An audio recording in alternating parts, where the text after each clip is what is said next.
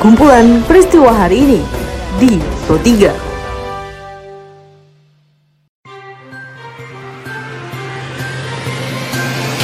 Halo pendengar, selamat berjumpa kembali di podcast Pro 3 RRI dengan kumpulan peristiwa yang terjadi pada hari ini. Seperti biasa pendengar, pada podcast kali ini saya akan mengulas isu-isu aktual yang masih hangat atau ramai diperbincangkan di sekitar kita. Tentu saja pendengar nanti akan ada cuplikan informasi dari reporter kami. Bersama saya Karisma Rizky, inilah kumpulan peristiwa Pro 3 di ruang dengar podcast Anda. Pendengar sebelum saya masuk ke dalam beberapa isu aktual yang akan saya hadirkan sesaat lagi, saya akan mengundang Anda untuk mampir ke laman berita kami di rri.co.id. Anda juga bisa memfollow dan berkomentar di sosial media kami di Instagram, Twitter, dan Facebook dengan mengetik at RRI Programa 3 di kolom pencarian Anda.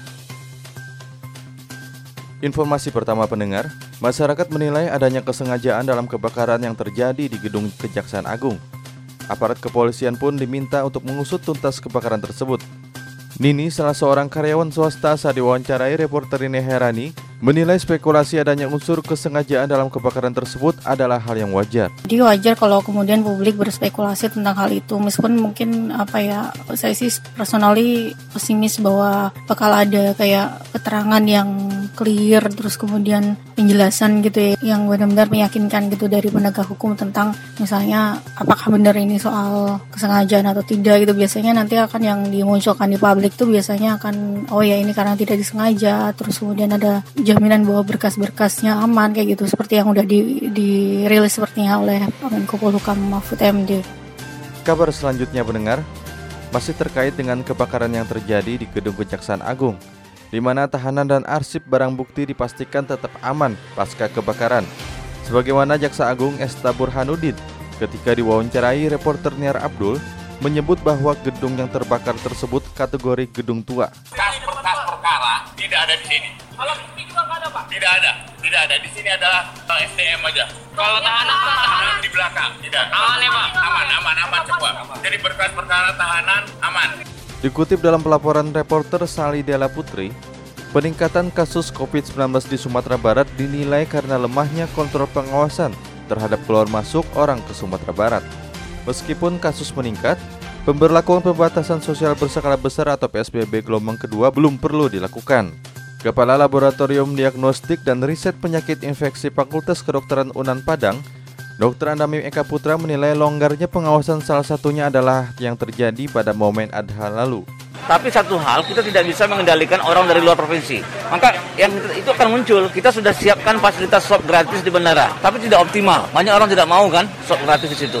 Kemudian orang-orang dari darat, dari dari jalan darat, itu tidak bisa kita kontrol sama sekali. Nah, saya bilang, saya katakan gini, ledakan itu pasti terjadi dan tugas kita hanya berusaha untuk menyelesaikan. Begitu ada ledakan, begitu ada api kita padamkan. Jadi akan muncul seperti itu.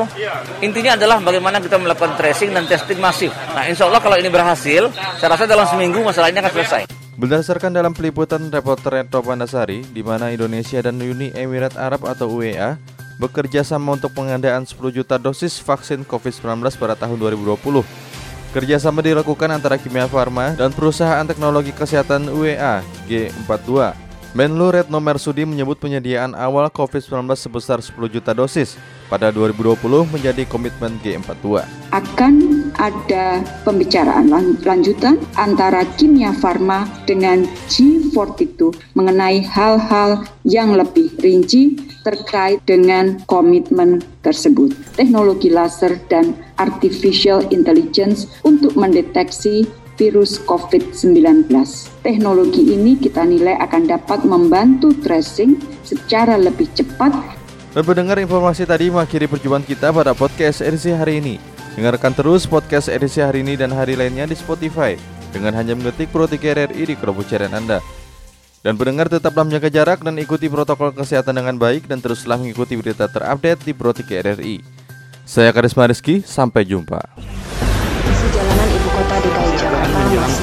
Kumpulan peristiwa hari ini di Pro 3.